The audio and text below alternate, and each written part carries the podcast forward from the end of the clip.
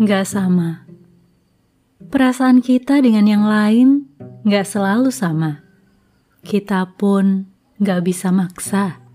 Itu sebabnya kita nggak bisa menaruh harapan dari mereka agar memiliki perasaan yang sama seperti kita. Itu hak mereka. Suka atau nggak suka, kita harus terima. Biarkan saja. Nggak bisa dipaksa.